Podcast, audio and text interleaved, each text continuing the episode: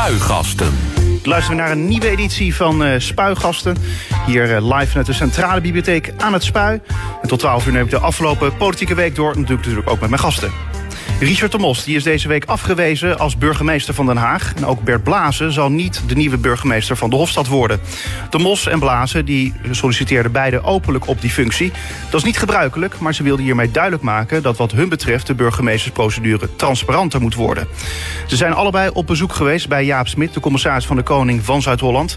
Smit die maakte de eerste selectie en stuurt de geschikte kandidaten... vervolgens door naar de Vertrouwenscommissie.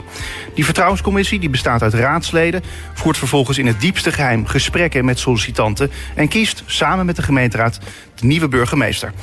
Uh, ja, beide goedemorgen. Richard de Mos en Bert Blazen. Goedemorgen. goedemorgen. Fijn dat jullie er zijn. Uh, ja, het nieuws van deze week was natuurlijk jullie nieuws politiek gezien dan. Uh, maar het andere nieuws was natuurlijk het surfdrama op uh, Scheveningen. Ja. Richard, hoe heb je dat gevolgd? Ja, vreselijk. Ik bedoel, uh, het zal je kind maar zijn of, of je partner die gaat surfen en nooit meer thuis komt. Dus dat is iets waar we als stad enorm door geraakt zijn, door het verdriet. Het is dan wel heel mooi om te zien hoe, hoe Scheveningen dat draagt. Hè? De mooie Bloemenzee. En ja, dat ze in ieder geval een plekje krijgen. En hopelijk een blijvend plekje in ons hart.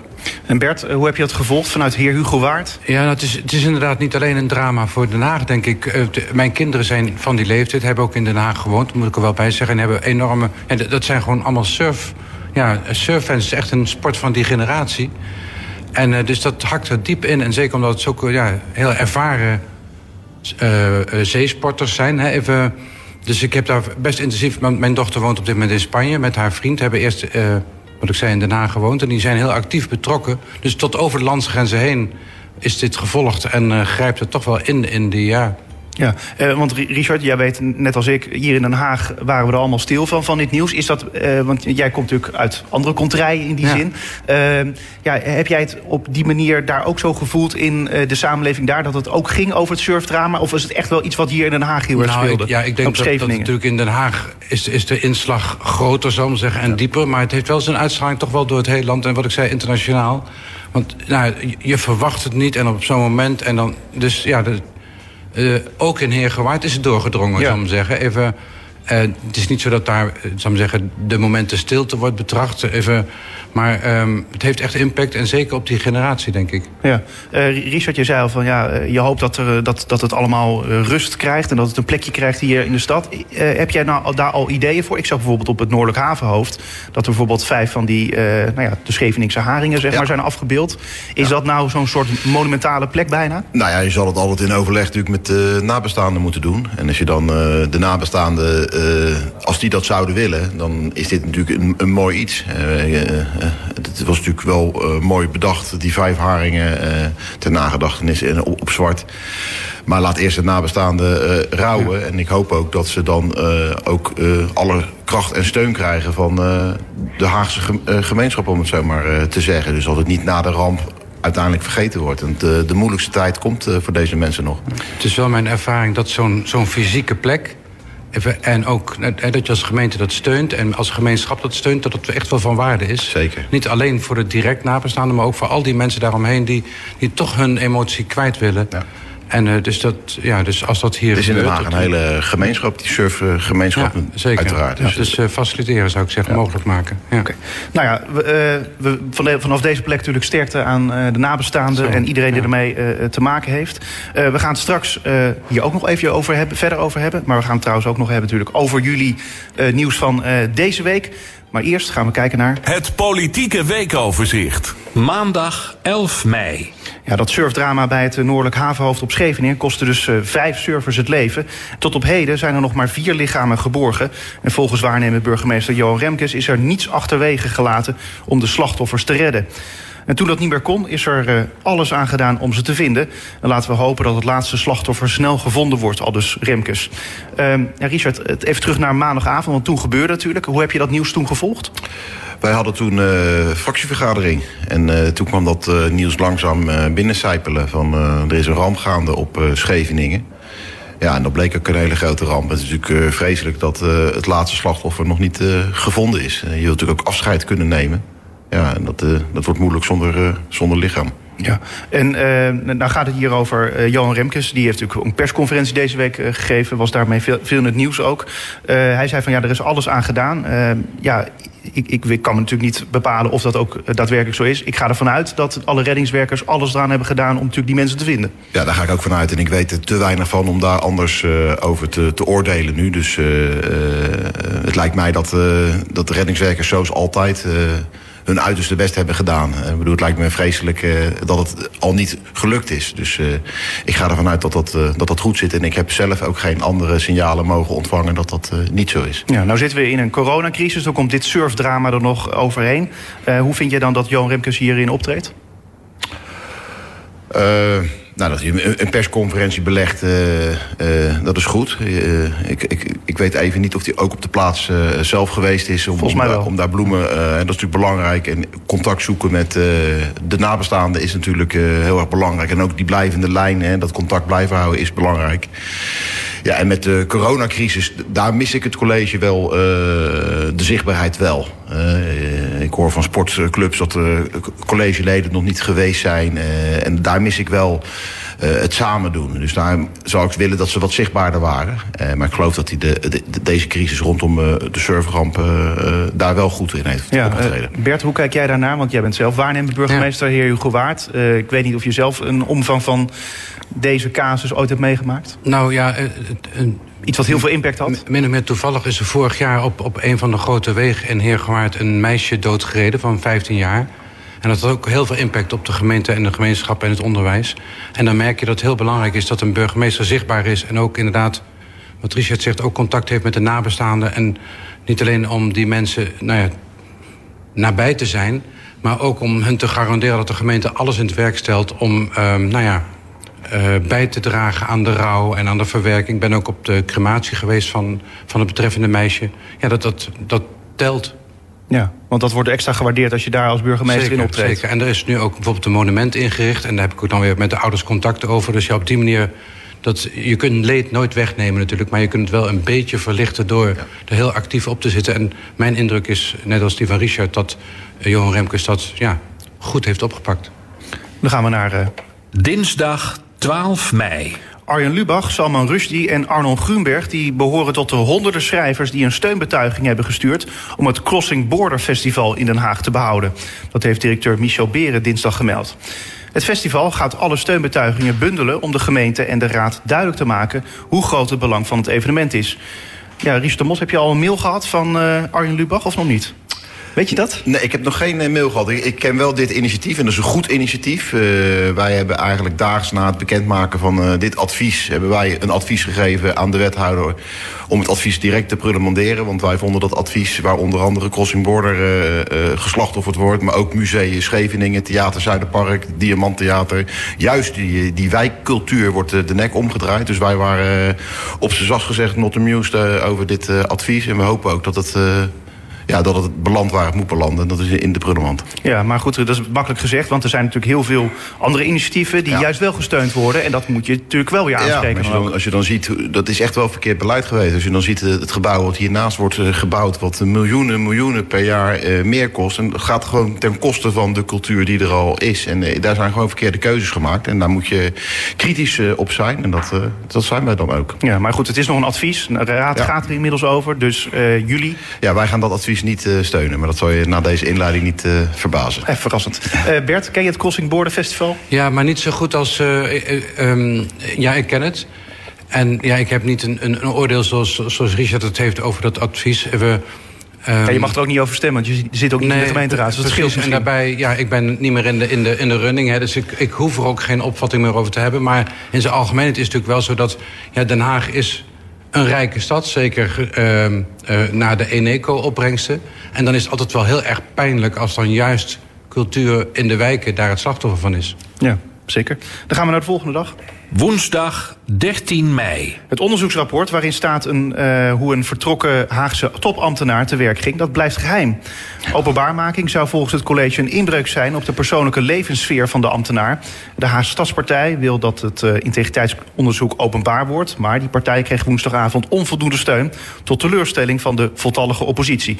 Dus Richard de Mos, enorm teleurgesteld. Ja, ik heb erover uh, getwitterd uh, dat ik het maffia-praktijken vind. Ik vind het echt schandalig dat een, uh, dat een rapport in de kluis blijft. het rapport raakt namelijk ook de verantwoordelijk wethouder, dat is Boudewijn Revis. Ja, en dat dat rapport niet openbaar wordt gemaakt, dat is ook de woorden van uh, Remkes dat hij dan integriteit serieus neemt. En al die partijen die over integriteit zijn ge gevallen... Uh, toen er rondom mijn partij wat speelde... ja, die wil ik nooit meer horen over integriteit. Want nu hadden we het integer kunnen doen. Het openbaar kunnen maken, het debat kunnen voeren. Ja, en dat gebeurt niet. Het blijft gewoon in een kluis. En dat is op zijn zacht gezegd raar, met een hoofdletter R. Maar uh, maffiapraktijken zijn wel hele zware woorden. Ja, zeker. Maar ik, uh, ik, uh, ik, ik geloof ook wel dat ik dat goed kan onderbouwen. Als je binnen 24 uur afscheid neemt van een coalitie... op basis van een verdenking. En hier is serieus wat aan de hand. Wat uitgelekt is naar het NRC. Dat er is geschoven met geld. Dat de valsheid in geschriften is gepleegd door een topambtenaar... die bij bijna alle bouwprojecten in deze stad is betrokken. Dat er nog geen aangifte is gedaan naar deze ambtenaar. Is er, deze ambtenaar is daar geld betaald betaald is, als wij geld betaald, dat hij zijn mond houdt. Want waar wethouder uh, Revens ging, daar ging uh, deze topambtenaar en uh, vice versa. Dus hier wordt iets echt onder het tapijt geschoven. Ja, en dan krijg je van mij een stevige term om, de, om de oren. En dat is een stevige term, maar die kan ik nogmaals wel onderbouwen. En wie is dan de godvader volgens jou? Nou, de godvader is dan in, di in dit geval wet, wethouder Remkes. Die wordt gesteund door een partijgenoot, namelijk de burgemeester. Maar wethouder Revis, en die wordt gesteund door een partijgenoot, uh, zijn de, de burgemeester. Ja, Bert, als je dit allemaal zo aanhoort, dan denk je van wat is er in hemelsnaam toch allemaal aan de hand in Den Haag met al die integriteitsissues? Ja, laten we ze wel even stuk voor stuk nemen. Even deze, uh, de, want ik ben natuurlijk minder betrokken uh, als, uh, als Richard de Mos. Misschien hebben we het daar straks ook nog even over, over die integriteitsaffaire. Maar ja, het, als je die affaire van toen vergelijkt met nu dan ga je wel even je wenkbrauwen fronsen inderdaad. Van, ik zou het eigenlijk normaal vinden dat er in ieder geval ook een onderzoek plaatsvindt... naar de bestuurlijke verantwoordelijkheid en betrokkenheid.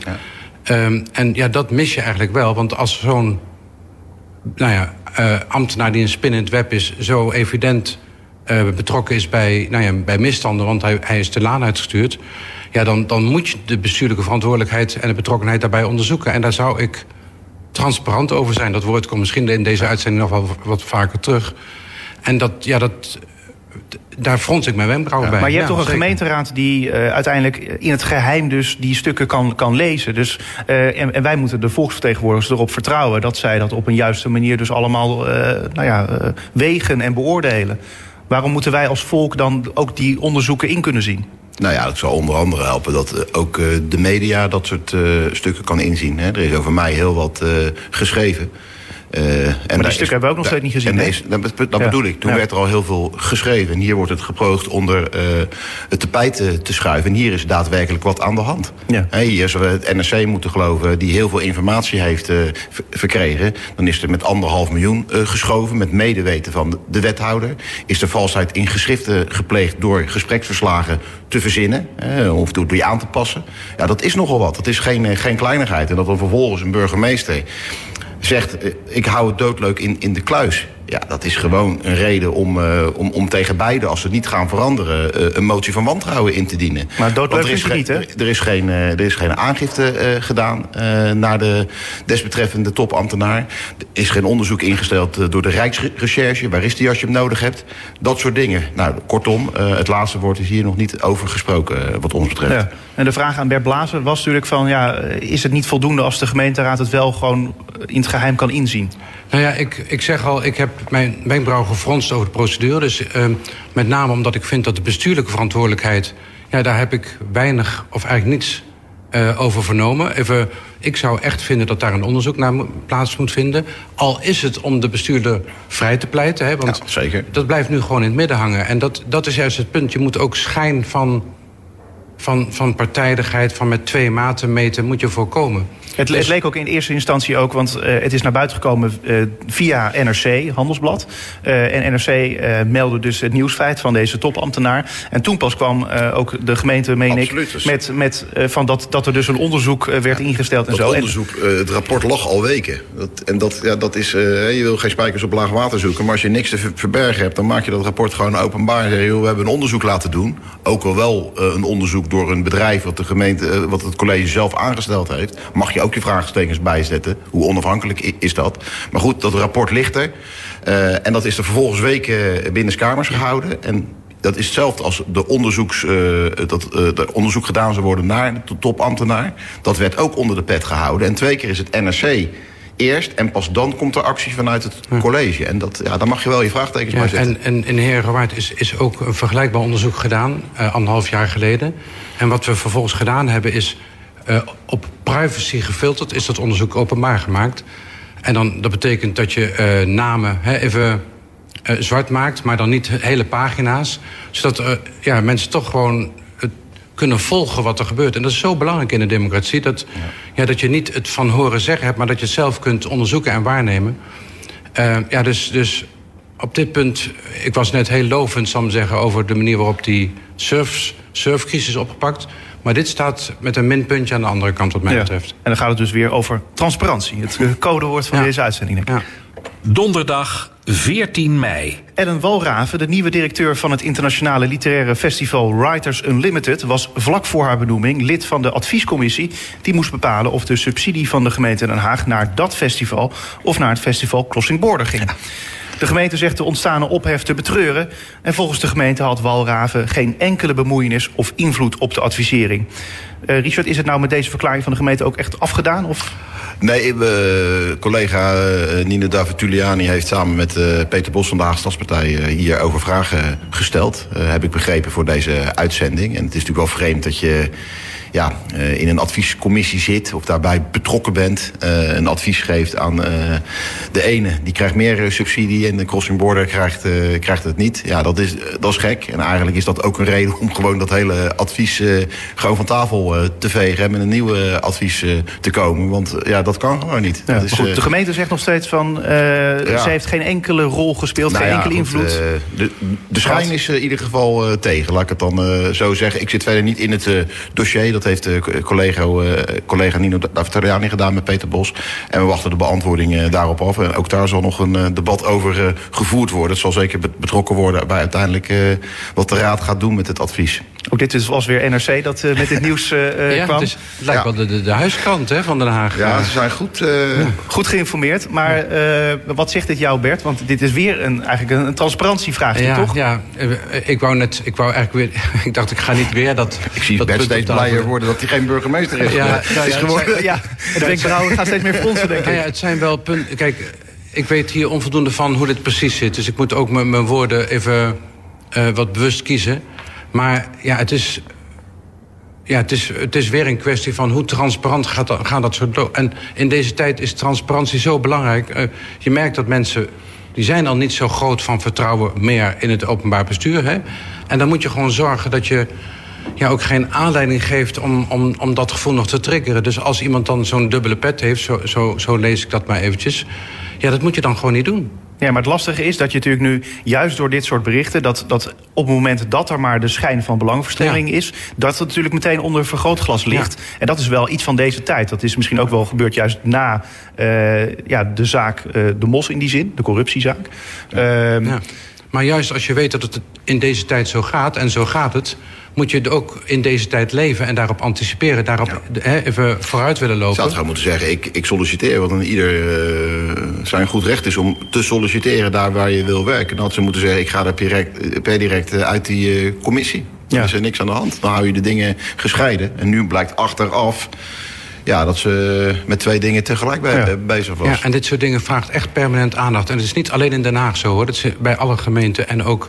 Bedrijven, in- in- ja. Precies. En dat moet gewoon een onderwerp zijn op de bestuursagenda, op de politieke agenda. Van hoe ga je daarmee om? Hoe speel je in op die tijdgeest? Maar denk je niet dat, dat inderdaad dat die tijdgeest nu zo is, dat, dat, daar misschien juist iets aan zou moeten veranderen? Want eh, nu lijkt het zo dat op het moment dat, dat je maar even die schijn, eh, als je even de schijn tegen hebt, dan, heb je, dan krijg je meteen de volle laag. Terwijl dat voorheen natuurlijk niet zo was. Althans, Nee, en eh, je, je zegt daar moet iets aan veranderen. En dan denk ik, begin dan met transparantie. Want dan wek je vertrouwen. En dan kan je misschien weer wat relaxter met dat soort dingen omgaan in de toekomst. Maar dat is wel nodig. Want het is niet voor niks dat die tijdgeest zo is. Omdat die, eh, die dubbele petten, die, het gebrek aan transparantie... Ja, dat, daar hebben we het zo meteen ook nog wel over. Dat, dat domineert nog steeds. En dat moet dus eerst van tafel. En dan kan je misschien weer zeggen... nou, nu we het allemaal transparant hebben... kunnen we het gesprek ook beter voeren... over wat wel en niet kan. Want er is natuurlijk een grijs gebied. Uh, want in de gemeentepolitiek hebben mensen vaak... Hè, die zijn, en zijn ze raadslid, maar ze zijn bijvoorbeeld ook voorzitter van een vereniging. Ja. Daar hoeft op zich niks mis mee te zijn, maar meld het. Uh, kom ervoor uit, laat het zien. Vrijdag 15 mei. Ruim 4000 bijstandsgerechtigden die zijn in 2019 door de gemeente Den Haag vanuit de bijstand aan een baan geholpen of naar een opleiding begeleid. Dat gebeurde via het werk, werkgelegenheidsprogramma Werkoffensief Plus 500. En de gemeente die zegt uh, haar doelstelling daarmee bijna te hebben gehaald. Maar naar verwachting zal het aantal mensen in de bijstand door de coronacrisis weer flink toenemen, zegt wethouder Bert van Alfen, die onder meer sociale zaken in de portefeuille heeft.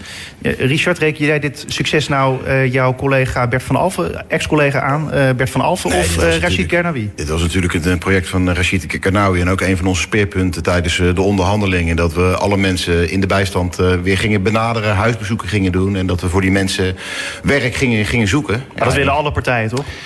Ja, maar je ziet dat wij dat toch wel met uh, ook een stok achter de deur... van als je uiteindelijk niet werken wil, dat we je ook kunnen korten op de, op de bijstand. Uh, dat was echt wel een nieuw geluid. En dat we daarbij ook het bedrijfsleven betrokken hebben... Uh, uh, met een heel mooi offensief. Uh, dat is echt het succes van onze partij. En daar zijn we apen trots op. En we hopen dat dat ook verder wordt uitgerold voor de toekomst. Ja, en die coronacrisis die hebben we dan wel weer erbij. Dus dat is dan weer vervelend. Maar goed, dat heeft niemand invloed op kunnen hebben. Maar dat wordt de komende tijd de uitdaging. En wij zeggen ook coalitie, breek je coalitieakkoord over, open en ga die Eneco-gelden, die 675 miljoen euro, alvast reserveren om die coronacrisis financieel uh, te lijf te gaan. En uh, ja, doe daar partijpolitiek overstijgend uh, denken. Want anders gaan we deze crisis niet oplossen met z'n allen. Nee. Uh, Bert, wat merk jij in heer Hugo Waard van uh, de bijstand? Ja, ik wil eerst nog even reageren. Want even los van wie zijn verdienste het is... het is wel een hartstikke mooie prestatie. Ja. En vooral voor die mensen die in die bijstand zaten... en die vervolgens een baan hebben gekregen. Dus dat, Zeker. Uh, dat wil ik maar even, toch maar even boven de partijen zeggend vaststellen. Want, en, en die coronacrisis, ja, dat hakt er natuurlijk enorm in. we zijn nog maar aan het begin van het zicht hebben... op wat het allemaal voor effecten heeft. Um, he, uh, veel zelfstandige ondernemers die zijn erdoor nou, geraakt. En dat is nog maar de vraag of dat weer opgepakt en opgebouwd kan worden met die snelheid.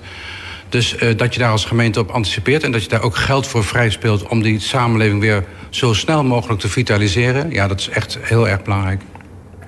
Zaterdag 16 mei. De kantorenmarkt van Den Haag die staat er robuuster voor dan tijdens de kredietcrisis in 2008. Dat stelt vastgoedadviseur CBRE. De leegstand is nog altijd uh, historisch laag, namelijk 4,4 procent.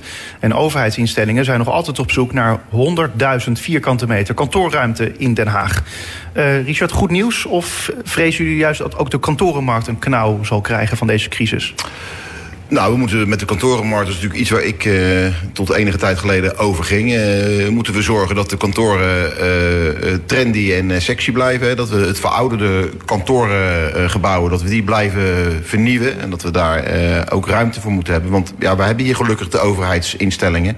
Ja, en, die, en die blijven ruimte zoeken. Dus we moeten zorgen dat we blijvend kunnen faciliteren. En dat we ook juist na deze crisis ook weer het buitenland intrekken. Naar China, naar India. Om te zorgen dat bedrijven zich in onze kantoren willen vestigen. Dus ook daar moet uh, geld naartoe, naar de, de werving uh, en acquisitie van mensen die in die mooie kantoorgebouwen willen gaan zitten. Maar dan hadden we het net over natuurlijk dat er mensen juist nou ja, nu aan een baan geholpen zijn. Nu zullen er waarschijnlijk veel mensen hun baan gaan verliezen door deze coronacrisis. Dan heb je ook minder kantoorruimte nodig, toch? Nou, maar daarom moet je juist na deze crisis en, en misschien eigenlijk nu al daarmee beginnen, de acquisitie enorm promoten en zorgen dat, dat je bedrijven de, deze kant optrekt die die kantoorruimte nodig gaan hebben... en die ook de benodigde banen gaan uh, regelen. Dus alle, alle ballen op de economie en, uh, en daarbij ook heel veel geld voor vrijspreken. Dit college heeft natuurlijk het economiebudget gehalveerd. Ja, ik zeg uh, verdubbelen en de Eneco-gelden reserveren... en zorgen dat we die economie, die banenmotor, dat we die gaan aanjagen. Want daar is de, de uitdaging voor de komende tijd. Bert, ik zag jou glimlachen. Ja, nou ja, kijk, ja, Richard die, die zit er natuurlijk echt vanuit zijn politieke visie in. En dat is ook terecht, want hij is ook een politicus. En als burgemeester kijk je dan even van, nou ja, wat... Uh, maar ja, ik, ik ben helemaal geen uh, kandidaat burgemeester meer, maar toch... kijk je dan wat het goede nieuws is voor Den Haag. Want het is natuurlijk belangrijk dat die kantorenmarkt robuust is. En ook dat punt ja. dat er hier een grotere hoeveelheid overheidsinstellingen zitten dan gemiddeld. dat brengt Den Haag wel in een voordeelspositie. En het zou heel goed zijn als Den Haag die weet uit te nutten. Zeker. Want andere regio's zullen hier harder door, ge- eh, door geraakt worden. Relatief, hè. Even, dus ehm, nou ja, voor Den Haag is dit eigenlijk goed nieuws. Ja, eh, is het in die zin, eh, als je het even vergelijkt... ja, eh, Den Haag en Heerhugowaard zijn moeilijk te vergelijken, lijkt mij... maar heb je enig idee hoe erg jouw gemeente wordt getroffen? Ja, kijk, in, in, in Heergewaard is de economie is, is veel meer alleen een economie van ondernemers. In Den Haag heb je die combinatie van overheid en ondernemers. Hè, om maar even. ehm, en dat- Ambtenarenstad, ja. Wat ja, het is- het ook, en dat maakt ook de stad speciaal even, en bijzonder. En natuurlijk wordt Den Haag ook heel erg geraakt, want daar hebben we het net al over gehad.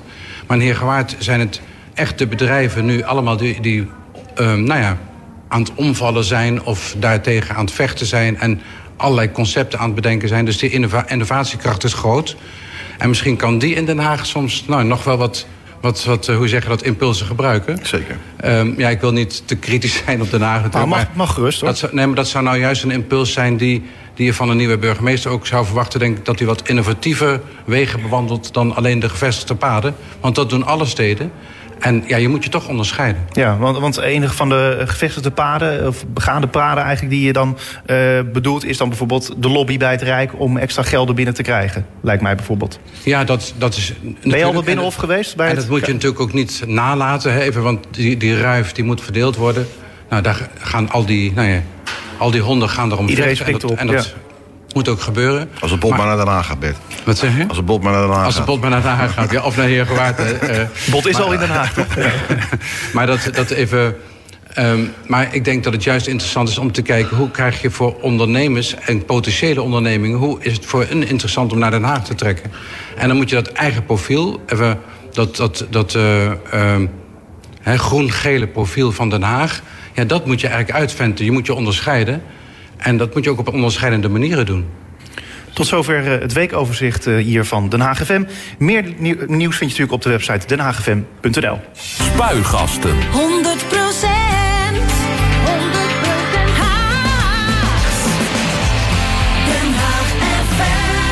Richard de Mos die is eh, deze week afgewezen als burgemeester van Den Haag. En ook Bert Blazen zal niet de nieuwe burgemeester van de Hofstad worden. De Mos en Blazen die solliciteerden beide, beide openlijk op die functie. En dat is niet gebruikelijk, maar ze wilden hiermee duidelijk maken... dat wat hun betreft de burgemeestersprocedure transparanter moet worden. Ze zijn allebei op bezoek geweest bij Jaap Smit. En op gesprek natuurlijk de commissaris van de Koning van Zuid-Holland. Smit die maakt de eerste selectie en stuurt de geschikte kandidaten vervolgens door naar de vertrouwenscommissie. Die vertrouwenscommissie, die bestaat uit raadsleden, voert vervolgens in het diepste geheim gesprekken met sollicitanten en kiest samen met de gemeenteraad de nieuwe burgemeester. Ja, Richard en eh, Bert, eh, wanneer hoorden jullie eigenlijk nou het nieuws dat jullie dan niet zijn geselecteerd door de commissaris, Richard? Eh, dinsdagmorgen toen ik eh, mijn mailbox opende, was daar een, was daar een mailtje dat het eh, niet gelukt is. En wat staat er dan, beste Richard? Nou, wel eh, geachte heer De Mos. Eh, eh, dus ja, dat het uiteindelijk niet... dat je niet tot de geschikte kandidaten behoort. Eh, ja, en dan is daarmee de zaak afgedaan. En dat is natuurlijk jammer, want ik denk wel dat ik het kan namelijk. En dat de stad het ook wil. Hè. In meerdere polls eh, wordt mijn naam... kwam daar als winnaar uit eh, de bus. Dat heeft geloof ik Omroep West twee keer gedaan. En twee keer kwam de naam eh, Richard de Mos eh, naar voren. Met die strafzaak boven mijn hoofd was het voor mij niet een verrassing. Ik bedoel, Zo eerlijk moet je ook gewoon zijn. Maar ik heb het ook gedaan om een statement te maken voor de gekozen burgemeester. En volgens mij is dat statement de afgelopen maanden goed, eh, goed voor het eh, eh, voetlicht getreden. Bert, wat stond er in jouw mail? Hetzelfde. Ik denk dat we dezelfde brief hebben gehad met een, een, eh, dat de ene dag achter heer De Mos was en de andere geachte heer Blaas. Ja. En je had hem ook op dinsdagmorgen gekregen? Ja, nou, eh, eh, geopend. Ja, Geopend. Ik denk dat die maandagavond laat verstuurd was. Oké. Eh, en- en er staat dan verder dus helemaal geen reden van opgave eigenlijk in, in zo'n mail. Nee. Je kan wel bellen. Dus je kan dan wel naar de eh, kabinetchef eh, bellen. Heb ik verder niet, niet meer gedaan. Want ik heb een, eh, een goed gesprek gehad met, eh, met Jaap Smit. En de kritiek. Eh, en dat is een hele grote krantenkop dat ik geïrriteerd eh, zou zijn. eh, ik heb kritiek op het proces. Dat is ook een van de redenen dat ik gesolliciteerd heb. Geen kritiek op Jaap Smit. Nee, ik, ik ben doorgaans goed met mensen. En je moet, als je iets wil veranderen, moet je op het proces kritiek hebben. En daar heb ik volop kritiek op. Ik vind het in de achterkamertjes niet transparant. Ik vind het heel erg jammer dat kandidaten niet een debat voeren met de stad en met elkaar. Ja, ja, en dat dat hele proces van die be- benoeming veel transparanter is. En nu krijgen we straks eh, witte rook vanuit het IJspaleis. en eh, de burgers hebben niks te vertellen gehad over de meest belangrijkste vrouw of man van de stad. En dat vind ik gek. Eh, Bert, ehm, ja, hoe heet het?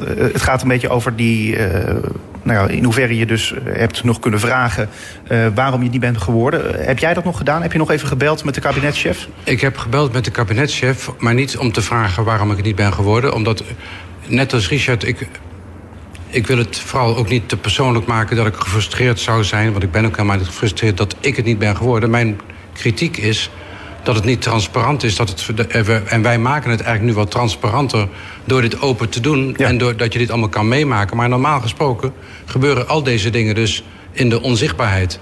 En daar zit mijn kritiek dat het een onzichtbaar proces is. En dat in dit geval de commissaris eigenlijk ja, een, een grote invloed en macht heeft die ja, niet eh, gezien wordt en ook niet gecontroleerd wordt. En ik vind dat een van de punten waar ik nou, van vind dat onze procedure veel beter kan. Het tweede punt, dat noemde Richard net al. Waar is de bevolking? Hè? Die heeft het nakijken.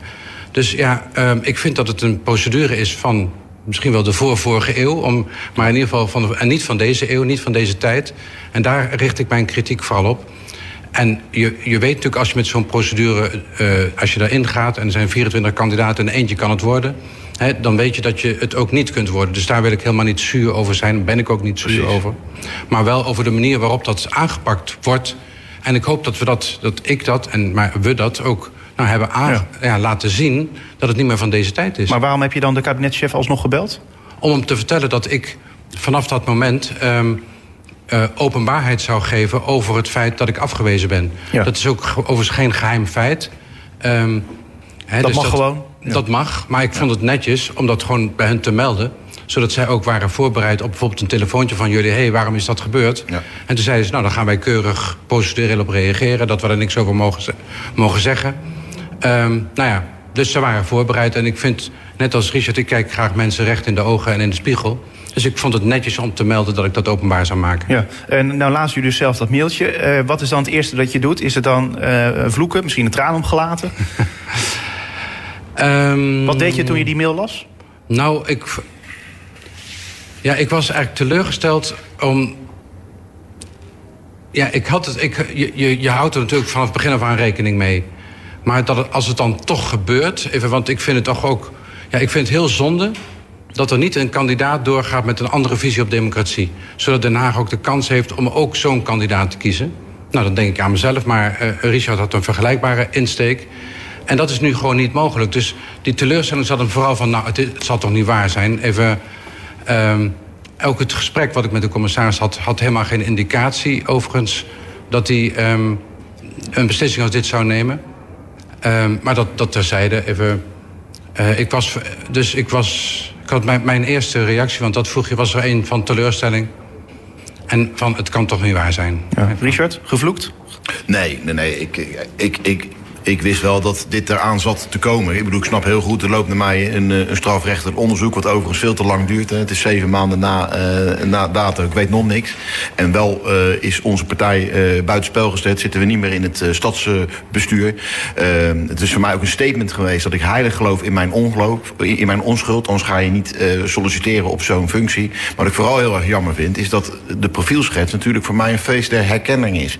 Draagvlak in de stad. Nou, dat hebben we. In iedere pool hebben we eh, gewonnen. Eh, onderhandelaar, dat ben ik puur zang. Een, eh, een liefde voor de stad. Nou, ik adem Den Haag, ik sta ermee op en ik ga ermee naar bed. Dus die profielschets die was voor mij een feest der herkenning. Had ik bijgepast. Ik had het heel graag gedaan.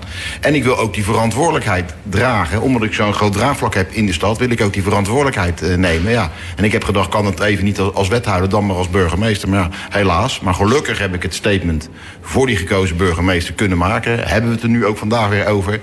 En is er ook een meerderheid in Nederland. Hè? 60% van de Nederlandse bevolking is voor die gekozen burgemeester. Ja, en ik en hoop- 70% van de bevolking is voor transparantie. Dus moet je nagaan wat voor Ja. aantallen we het hebben. Hè? Absoluut. En ik hoop dat volgend jaar eh, een partij eh, uit de bus komt bij de landelijke verkiezingen. die het eindelijk ook eens gaat regelen. hè. D66 is er ooit toe opgericht om het te fixen. Nou, dat is niet, nog niet gebeurd. Ja, het is zo niet meer van deze tijd. Dus zorg gewoon eh, in mijn. Ultieme wens zal het zijn een burgemeester, ook met een burgemeestersprogramma. Daar kan je ook weer onderscheid in maken. Hè. Doe je het alleen de burgemeester kiezen, eh, en alleen daar invloed op hebben. Of neemt zo'n burgemeester ook een burgemeestersprogramma mee. Nou, dat laatste zal voor mij helemaal fantastisch zijn. Maar dat zou dan de Tweede Kamer moeten regelen, of het Dat zal de kabinet. Tweede Kamer moeten Ja. regelen. Ja, zeker. Ja. Eh, ik ben wel heel benieuwd trouwens wie die 30% eh, van die mensen zijn die tegen transparantie zijn. Die alles geheim willen houden. Maar goed. Nou ja, in ieder geval hoort onze commissaris daarbij. Dat heeft hij ook tegen me gezegd. Hij vindt dat die procedure juist die geheimhouding nodig heeft... om de goede kandidaten te werven. En je krijgt Ehm, daardoor... Maar hij is ook gehouden natuurlijk aan die eh, gemeentewet. Ja, hij je is gehouden aan de gemeentewet. Dat snap Enorme ik. onwenselijke situaties. Eh, eh, het lekt bijna altijd uit. Nou, dan moet er weer aangifte ge- gedaan worden. Eh, het is gewoon een, een, een proces waar helemaal geen relaxe sfeer omheen Nou, het wordt ook is- heel vaak het is geheim gehouden. Geheimzinnig. Nou ja, het is heel vaak niet. En je hebt het de laatste keer ook weer eh, gezien dat het helaas, en dat is slecht voor, voor de mensen. Maar waarom zou je niet, als je iets wil, openlijk solliciteren? Wat heb je daaraan te verliezen? Ben ik er nu minder van geworden dat ik En- het niet geworden ben? Eh, het argument wat, wat veel gebruikt wordt waarom het niet gebeurt... is dat je het, je gezag zou kwijt zijn hè, in je huidige functie. Zoals ik dan in Herenwaard. Als ik te kennen geef in Den Haag te solliciteren. Nou, ik heb gelukkig kunnen bewijzen het tegendeel. Want de gemeenteraad in Herenwaard en ook de bevolking... die vinden het mooi dat ze een burgemeester hebben met ambitie en met lef. Ja, en eh, precies. alle, alle reacties die in die regio gebeuren... ook nu weer dat nu het niet doorgaat, zeggen... goh, pech Bert, maar fijn dat je blijft, weet je. Ja. Dus, dus mensen vinden dat, vinden dat gewoon... Maar dat is, dat is jouw individuele geval. En dat wil natuurlijk niet zeggen Ja. dat het ook voor iedereen geldt. Nee, dat kan ik niet zeggen, want dat weet je pas als het zover is natuurlijk. In het buitenland zien we gelukkig wel dat er al lang een cultuur is... Absoluut. waarin het openbaar is en dat je dat effect niet ziet optreden. Nee. Eh, Richard, je had het net over die verbindende factor, factor in, de, in, in de stad. Je hebt draagvlak in elk geval. Eh, zonder meer. Je hebt eh, de grootste partij van Den Haag gekregen. Dus je hebt zeker mensen weten te verbinden. Dat is één ding dat zeker is. Maar je hebt ook heel veel mensen die tegen je zijn. Ja. Dus hoe kun je die, twee gro- groepen ooit samen krijgen? Nou, je zal, je zal moeten, daarom ben ik ook voor een verkiezing. En daar in de verkiezing is in, in een democratie ten alle tijden dat er een winnaar is en een ver- verliezer. Nou, dan zal ik bij een burgemeestersverkiezing winnen. Dan heb ik ook mensen die zeggen van wat balen die uitslag zegt. Dat hou je altijd. Dat ga je bij een verkiezing niet wegnemen. En dat ga je bij een benoeming zoals je nu is ook niet wegnemen. Als ze nu straks een naam eh, voorgeschoteld krijgen, ja, dan zal de halve stad daar misschien ook tegen zijn. Dus eh, je houdt altijd voorstanders en tegenstanders. Alleen wat ik zeg, maakt dat proces democratisch. Laat de mensen kiezen en het eindoordeel erover hebben. En maak het transparant. En dat je altijd eh, iedereen het naar de zin kan maken. Nee, dat gaat ook bij een gekozen mijn stelling is ook dat wie er nu ook uit de, uit de, uit de hooggoed komt... Hè, eh, die zal bij voorbaat al op achterstand staan omdat, nou ja, bijvoorbeeld omdat Richard de Mos geen kans gekregen heeft... heeft en een, deel, een groot deel van de stad dat steunt. Maar ook omdat het per definitie een kandidaat is die... nou ja, in dit geval ehm, ja, z- keurig binnen de lijntjes heeft gekleurd. En er is een deel van de Hagenezen of Hagenaren... die daar een beetje genoeg van hebben. Die graag een burgemeester willen hebben... die echt voor hun stad staat en voor de mensen. En niet het bestuurlijke spel tot in de Ja. finesses beheerst... maar gewoon een mens is van vlees Ja. en bloed. Dus We, we hebben het nu al een paar keer gehad eigenlijk over... ik heb het zelf ook al gezegd en jullie hebben het zelf ook al gezegd... dat het eh, eigenlijk een gelopen race is. Dat je niet meer burgemeester van Den Haag kunt worden. Ja. Maar eigenlijk kan het wel nog steeds, toch? Want je kunt nog bij de vertrouwenscommissie aangeven... dat jullie nog graag in gesprek willen gaan. Is, dat is hoe ik de gemeentewet heb gelezen. Ehm, en dan eh, kunnen jullie alsnog in gesprek met de vertrouwenscommissie... en het misschien alsnog worden. Zeker. De vertrouwenscommissie kan het initiatief nemen ons, om ons alsnog te horen. Dus als die uitnodiging gedaan wordt, zal ik er graag op ingaan. Overigens heeft de commissaris wel gezegd dat hij ook weer de bevoeg- bevoegdheid heeft om dan een kanttekening te maken bij de uitkomst. Dus eh, daar zie je toch maar even wat de gemeentewet allemaal eh, te bieden heeft. Maar het kan. Dus Ja, een kanttekening, dat, dat, dat, is- dat is een beetje een soort als een minnetje achter je naam. een Maar ja. negatief advies kan hij meegeven aan de minister. Ja. Maar Ja. Dus, en, en Richard, ga je, zou je dat nog eh, Uiteraard, in gesprek als, willen gaan? als ze zeggen van eh, de vertrouwenscommissie eh, bij meerderheid wil de Mos als burgemeester. Ik bedoel, sta ik te popelen om vandaag nog te beginnen. Ik verwacht niet dat het zover is. Ik bedoel, ik, ik, ik, verwacht dat ze dat advies van Jaap Smit, en ik ken Jaap Smit ook wel een beetje als een, als een dwingende man. Eh, dat, die dat, dat, dat overgenomen is en dat het inderdaad een gelopen race is. Eh, en dat ik me vanaf nu ga focussen op, eh, op andere dingen die gaan komen. Ik noem de gemeenteraadsverkiezingen van 2022, waar gelukkig de bevolking wel het laatste woord heeft. Dus ik zal me geen dag eh, vervelen. Eh, en ik heb vandaag gelukkig nogmaals kenbaar kunnen maken dat we hopelijk in 2021 allemaal op een partij stemmen die de gekozen burgemeester eh, mogelijk maakt. Ja, en ik ben een jonge vent, dus ik, eh, ik zeg nooit nooit dat ik bij een volgende ronde weer meedoe. Ja. En het zou mooi zijn als de vertrouwenscommissie zich zo assertief toont om dat te doen. Absoluut. Maar in het land zie je dat niet vaak gebeuren. En want vertrouwenscommissies ja, die zijn toch vaak wel een beetje, nou ja, onder de indruk of zo van zo'n commissaris. Maar de gemeentewet zegt dat de vertrouwenscommissie daar ook een eigen rol en verantwoordelijkheid in heeft. Dus het is goed dat je dat ook nog even benoemt. En de vertrouwenscommissie van Den Haag kan daar gebruik van maken. Ja, dus als de vertrouwenscommissie zou zeggen nu, en ze horen dit, van we willen graag nog in gesprek met Bert Blazen of met Richard de Mos, dan staan jullie daar in elk geval voor open, dat dat Ja, duidelijk is. absoluut. Zeker. Oké. Ehm, dan, eh, Bert, is nou de missie geslaagd? Want jij ging voor meer transparantie. Je hebt zelf nu veel transparantie in het proces gegeven. Je hebt ons een beetje meegenomen eh, van hoe dat allemaal eh, is gegaan. Is Nou ja, de missie op- geslaagd? Op dat punt wel. De, de missie was natuurlijk gewoon om op te gaan voor burgemeester van Den Haag.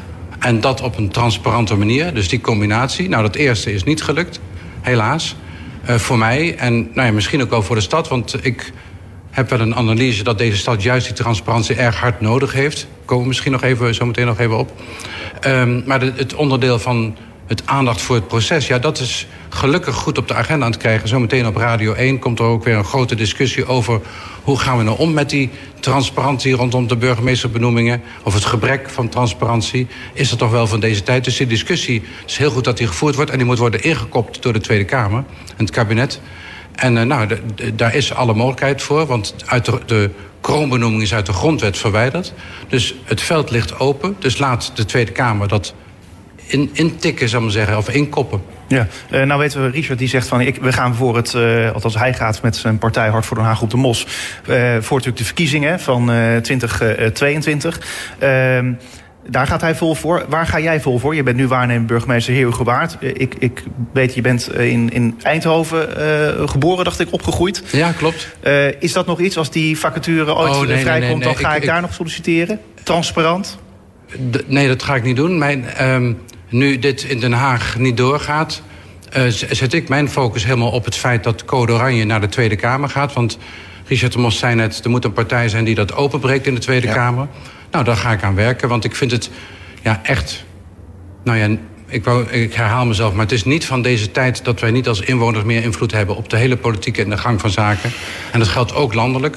Dus ik ga met Code Oranje dat landelijk proberen nou ja, open te breken, eh, Ja. te wrikken, wou ik haast zeggen. Als lijsttrekker? Of Nou, dat, dat verwacht ik niet. Ik ben meer eh, iemand die Lijstduwer? nou ja, de popjes, popjes op de goede plek probeert te krijgen, de mensen motiveert. Ehm, ik wil, ik, maar nou, dat moet een lijsttrekker doen, toch? Of niet? Ja. Nou, maar het initiatief is natuurlijk mooi. Hè? Nou, je, ziet, je ziet in Nederland heel veel initiatieven ontstaan. Ik heb er vorige week nog bij de Post Online nog een column over eh, geschreven. En Code Oranje is zo'n initiatief dat de bevolking meer zeggenschap geeft. Dat is eh, gekozen burgemeester, referenda, burgertoppen, En wat mij betreft is ook een gekozen lijsttrekker. En dus wij gaan het aan de bevolking voorleggen. Aha, dus daar, ja. dat was mijn laatste zin. Juist. Voordat jij mij, nou ja, Excuus, onderbrak. Nee hoor, prima. Ja. Eh, over transparantie gesproken. Richard, weet je inmiddels al iets meer over jouw corruptiezaak... waar Nee, je dat zeg maar even heel transparant hier. Dat, eh, dat we met heel veel bo- bombarie wakker zijn eh, gemaakt op, eh, op 1 eh, oktober. En ik niet alleen, maar ook wethouder Kanawi en raadslid Nino Davitoliani. En een aantal ondernemers. Zeven maanden na dato weten we nog niks. Zijn we wel uit het stadsbestuur. en is eh, de democratie onrecht aangedaan. Eh, de grootste partij die buitenspel valt. Ja, en we weten nog niks. Dus, eh, Nee, maar zit je dan nog wel achteraan in de zin? Want ik begreep dat in het begin zat je nog helemaal de, de hele tijd iedereen eh, achter de volle aan, het OM. van, we kom nou snel, hup. Ja, we zitten natuurlijk eh, heel regelmatig. Doe ik daar eh, ook over berichten. Ik heb een advocaat die daarmee eh, bezig is. En eh, ja, ik hoop dat we. En ik heb ook al in diverse radio's programma's gezegd. En eh, op andere eh mediaplatforms. Ga nou eens met me praten. En dan eh, denk ik ook dat we er snel uit zullen komen en dat we het kunnen seponeren. Eh, en ik hoef geen schadevergoedingen. Ik wil gewoon verder met mijn leven. En ik wil dat deze verdenking weggaat. En dan ben ik krachtig genoeg om eh, bij volgende verkiezingen eh, te herstellen en weer door te gaan waar we waren gestopt, namelijk het besturen van deze stad. Ja. Nou Bert, ja, op dit punt, hè, er is natuurlijk een diepe wond geslagen op dat moment. Want eh, de wethouder van een grote stad is eh, afgeluisterd... en er is ingevallen in zijn woning en hij heeft moeten aftreden. Dat slaat een diepe wond in de stad en zeker in het stadhuis en het gemeentebestuur. Ehm, dus als je die diepe wond wil genezen... eh, komen we weer op transparantie uit. Hè? Even, en dat is een taak voor de nieuwe burgemeester, denk ik. En die wil ongetwijfeld die stad weer bij elkaar brengen. Dan heeft hij nodig dat het OM met iets komt of seponeert. En ik vind eigenlijk dat het OM zich moet schamen... dat na zoveel maanden dat nog steeds niet op tafel ligt. Dat die wond maar open blijft. En bij elk nieuw incident zal die wond weer open gescheurd worden. Dus als je deze stad wil, wil bijdragen aan de genezing, aan het heel worden van die wond, ja, dan, dan zal het OM moeten, moeten hoe zeg je dat, ehm, eh, zijn kaart op tafel moeten leggen. Dus ofwel je hebt een zaak, of je seponeert. Maar dat dat zo lang duurt, is eigenlijk bijna een minachting voor de stad en voor het gemeentebestuur van de stad. En iemand moet dat, dat OM echt opporren. En ik snap dat Richard dat doet, maar die is natuurlijk betrokken. Ja. Dus de burgemeester is denk ik de geëigende persoon om het OM, nou ja, om druk te zetten. Maar Johan Remkes heeft dat ook, eh, althans dat heeft hij hier in het programma gezegd, dat hij dat zou doen. Ja. Ja, nou hij heeft, ik heb dat zelf gehoord ook, wat Ook hij zei. En het is heel goed dat hij dat zei. Hij zei, voordat ik weg wil, wegga, hoop ik dat het, ehm, dat het op tafel ligt. Nou, dat hopen, dat moet hij nu omzetten, denk ik, in dat het ook gebeurt. Want het kan toch niet zo zijn dat het OM zo lang de tijd neemt daarvoor... over een zaak waarvan ze in het begin met zoveel bombarie laten zien... dat het eh, aan de orde is. Dus ik zou zeggen, of je hebt een zaak en leg het dan op tafel... of seponeer en neem je verlies. Dat kan natuurlijk ook. Ja, ik heb vorige maand de minister eh, een brief eh, ge- geschreven. En dan snap ik dat de minister niet, eh, minister Grapperhaus... en ik snap heel goed dat de minister niet gaat over de trias... over de zaak zelf, de inhoud. De trias politica moeten we recht doen. Maar hij is wel de baas van het OM. En ik heb gezegd, van politicus tot politicus, van mens tot, tot mens... Doe wat aan deze termijn. Maanden wachten, maanden in onzekerheid. Eh, geen idee hebben eh, eh, van wat je fout hebt gedaan. Het idee hebben dat je goed bezig was in deze stad. En dan Nee. ben jij nog betrokkenen. Hè? Even, Ja. Dus daarom is het juist goed dat de burgemeester, die boven de partijen staat, dat die Absoluut. wakend over de stad, nu het OM, nou ja, zou ik zeggen, onder druk gaat zetten en zeggen van kom nou met die uitspraak en misschien een deadline zetten. Ik weet niet hè, eh, welke instrumenten de burgemeester daarvoor wil inzetten. Ik zou me zelfs kunnen voorstellen dat ik zeg, als je niet tot een uitspraak komt, dan gaan we als, als stad daar maar op vooruit lopen. Want als stad kun je toch niet blijven in een stilstandssituatie die wond blijven open reten, raad, eh, laten reten. Ja. Eh, Dus ehm, eh, ja, op dit punt vind ik echt dat het OM moet bieden, moet op zijn kaart op tafel moet leggen. Ja. De minister heeft overigens gereageerd eh, dat hij daarin niet gaat eh, treden. Eh, ja, dat Ja. vind ik heel jammer dat de minister niet wil drukken op, op het tijdslimiet. Ik bedoel, eh, we hebben met heel veel bombarie zijn we binnengekomen. Er is van alles gezegd. Hè. Eh, in het NOS-journaal van 1 oktober is het de grootste corruptiezaak ooit. Eh, de minister was al in januari 2019 op de hoogte dat er een onderzoek naar me liep. Ja, dan is het eigenlijk al politiek gemaakt. Eh, maar we zijn zeven maanden verder en we weten nog niks. Eh, en dat, dat kan toch eigenlijk niet. Als je iemand zo lang afluistert, als je iemand zo lang volgt... ja, kom dan, eh, kom dan met iets. Maar daar heb je een brief Eh, gestuurd En dan kan naar- ik me ook verdedigen. Ja. Maar dan heb je een brief gestuurd naar de minister en de minister die zegt dus nee. Nou ja, niet. Eh, wa- Wat Ja. kun je dan nu verder? Nou goed, wat kan je nu, nu verder is dat we... collega Gernaui heeft natuurlijk een aantal keren druk gezet... eh, dat we de, de stukken krijgen. Nou, de dossiers zijn nog niet eh, compleet. het richt Eh, weinig uit tot nu Er toe. is geen tenlastenlegging. Ik ben nog niet aangehouden. Eh, eh, ja, er is helemaal niks. Eh, ik ben wel mijn baan kwijt. En de grootste partij in de stad staat buitenspel eh met het besturen van deze stad. Dus er is wel en heel veel daarmee wordt gebeurd. het ook een issue voor de stad en voor de democratie. Hè? Dus ik zou het zelfs even willen afnemen van de schouders van de betrokkenen zelf. Ik snap heel goed dat jij strijdt voor je zaak. Maar er zou ook een neutrale partij, iemand die boven partijen staat, kortom de burgemeester, die zou heel goed eh, op dit moment die rol kunnen pakken. En niet door te zeggen, Richard, je bent schuldig of je bent niet schuldig. Maar door het OM zijn kaart op tafel te laten leggen. Ja. Eh, Richard, wanneer komt er weer nieuws hierover? Nou, ik hoop snel. En, en nogmaals, ik hoop eh, dat, we, eh, dat ik ook eens een keer gehoord kan worden door het OM. En gewoon eh, mijn kant van het verhaal kan vertellen. En dan weet ik zeker dat het OM zegt: dit is geen, geen zaak en we seponeren het. En dan is wat mij betreft eh, de zaak ook gedaan. Dan heb ik heel veel verdriet en pijn gehad. Is mijn partij schade berokkend? Is de stad schade berokkend? Want we hadden de boodschap van hoop en optimisme. Maar nogmaals, ik geloof in de kracht van mijn persoon en van mijn partij. Dat we dit daarna eh, weer kunnen oppakken. En dat we gewoon voor 2022 gaan. En dat we dan deze stad weer gaan eh, besturen. Zodat de gemeenteraad ook weer norma in normale verhoudingen terecht kan komen. hè? Want dit blijft boven de markt hangen natuurlijk. Ja. Ja. Richard de Mos en Bert Blazen, dank jullie wel beiden. Heel graag gedaan. En dit was eh, Spuigasten voor deze week. Ik zou zeggen, graag tot volgende week.